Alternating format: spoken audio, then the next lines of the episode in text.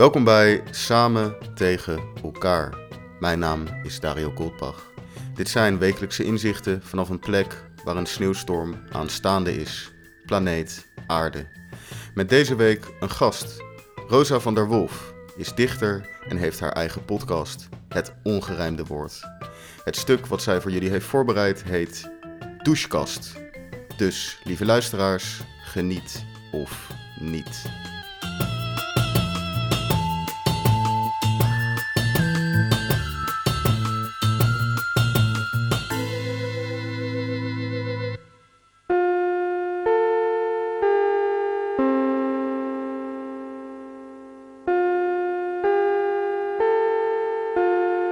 Het hoofdprogramma gaat reeds van start.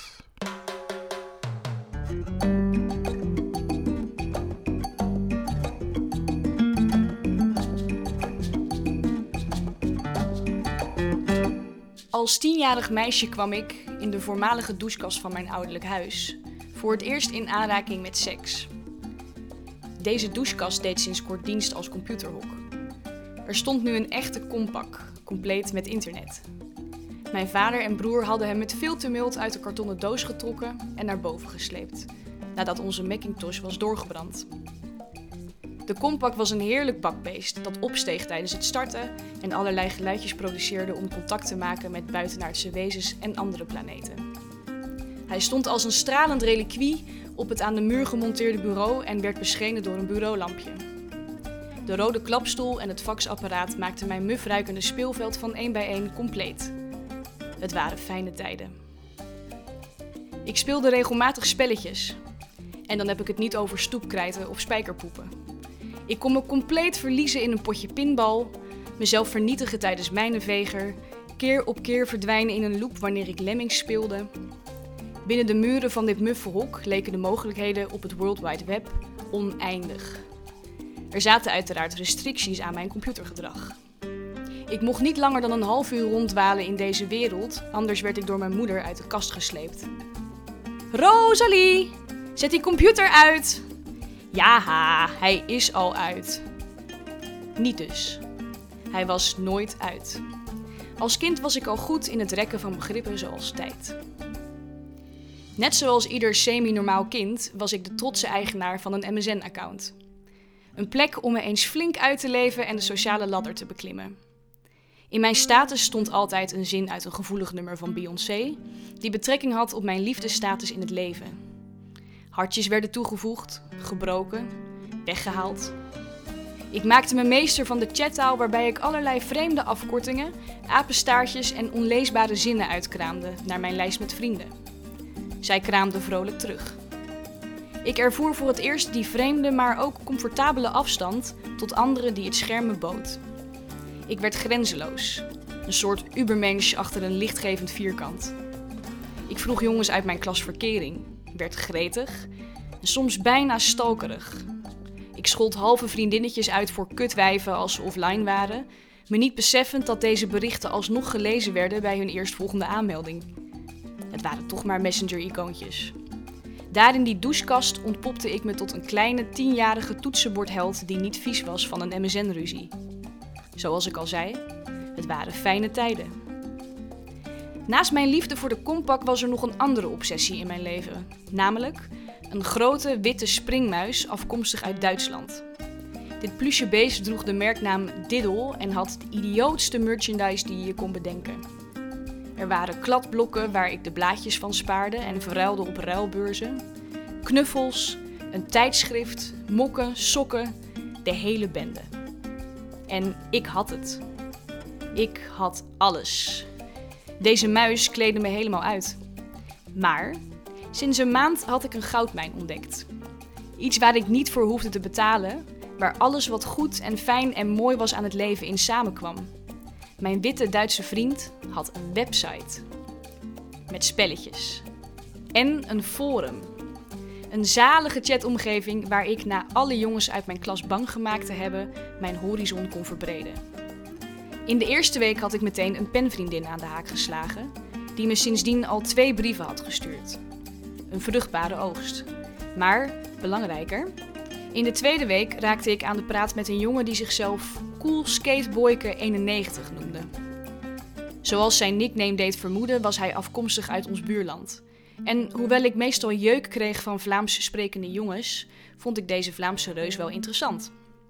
Hij was drie jaar ouder, had een skateboard en hij kraamde dezelfde chattaal uit als ik. Ook ontfutselde ik zijn echte naam, Jasper. Zo communiceerden we. Ik was verliefd, hevig ook. Hij stuurde me hartjes. Na een week voegden we elkaar toe op MSN en vroeg hij om een foto. Die werd haastig gemaakt met de zelfontspanner. Ik stuurde hem een foto van mij in witte K3-jurk met regenboog, waar ik een zwoele blik aan toevoegde. Ik kreeg geen foto terug, maar dat was oké. In mijn hoofd had ik hem helemaal helder. Rijdend op zijn skateboard, half lange haren in de wind. Ik wil u zien op de webcam, zei hij. Die had ik niet. Ik ging offline. Die webcam moest er komen en snel ook. Het was woensdagmiddag, hoogzomer, uur of drie, en de meeste kinderen van mijn leeftijd zouden op dit moment van de dag liever gulzig likken aan een raketje uit de vriezer. Ik niet. Ik installeerde samen met mijn vader de zojuist gekochte webcam. Om met mijn vriendinnetjes te webcammen, had ik gezegd. We waren naar de Office Center geweest. Wat een plek. Alles steriel wit, ramvol met kantoorartikelen, schermen, impulsen en prikkels en ja, ik werd helemaal gek daar. Maar ik vond het lekker. Het rook er naar ziekenhuis, maar dan zonder patiënten.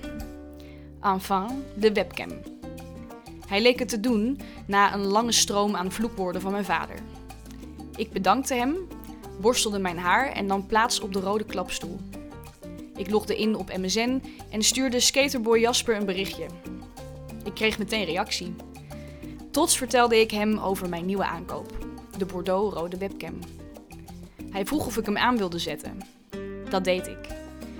In het schijnsel van het bureaulampje leek ik op de vrouwelijke versie van Casper het Spookje. Hij vond me mooi.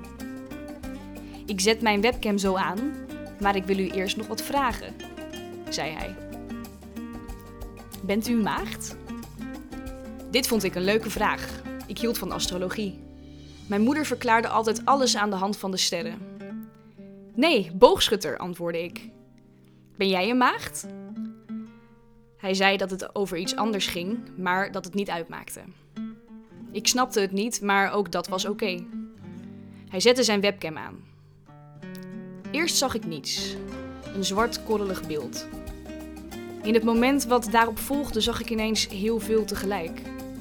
Ik zag geen knap gezicht, halflange haren, geen gespierd puberlijf. Wat ik wel zag was het naakte onderlichaam van de Vlaamse reus, waarbij me twee dingen opvielen. 1. Dit lichaam leek niet op het lichaam van een 13-jarige skateboy, maar op dat van mijn vader. 2. Hij hield zijn piemel vast en maakte een wilde beweging met zijn hand die ik niet kon thuisbrengen. Ik kende alleen mijn vaders piemel van onder de douche. Dit was anders. Voor een kort moment keek ik gebiologeerd naar het tafereel wat zich op dat kleine schermpje afspeelde. Toen ging ik offline. Auw. In een paar seconden was mijn romantische kaartenhuis ingestort. Mijn kans op geluk, een bruiloft in knokken, Vlaamse kinderen baden met halflang haar. Alles was weg. Daar in die muffe douchekast werd mijn vertrouwen in de mensheid, mannen en het World Wide Web voor altijd geschaad. Mijn vader zei wel eens: Het leven is een pijp kaneel. Je zuigt eraan en krijgt je deel. Ik vond het een vreemde uitspraak. Was dit wat hij ermee bedoelde? Misschien wel. Ik sloot de kompak af, besloot mezelf onder de semi-normale kinderen te begeven en te gaan stoepkrijten met een raketje.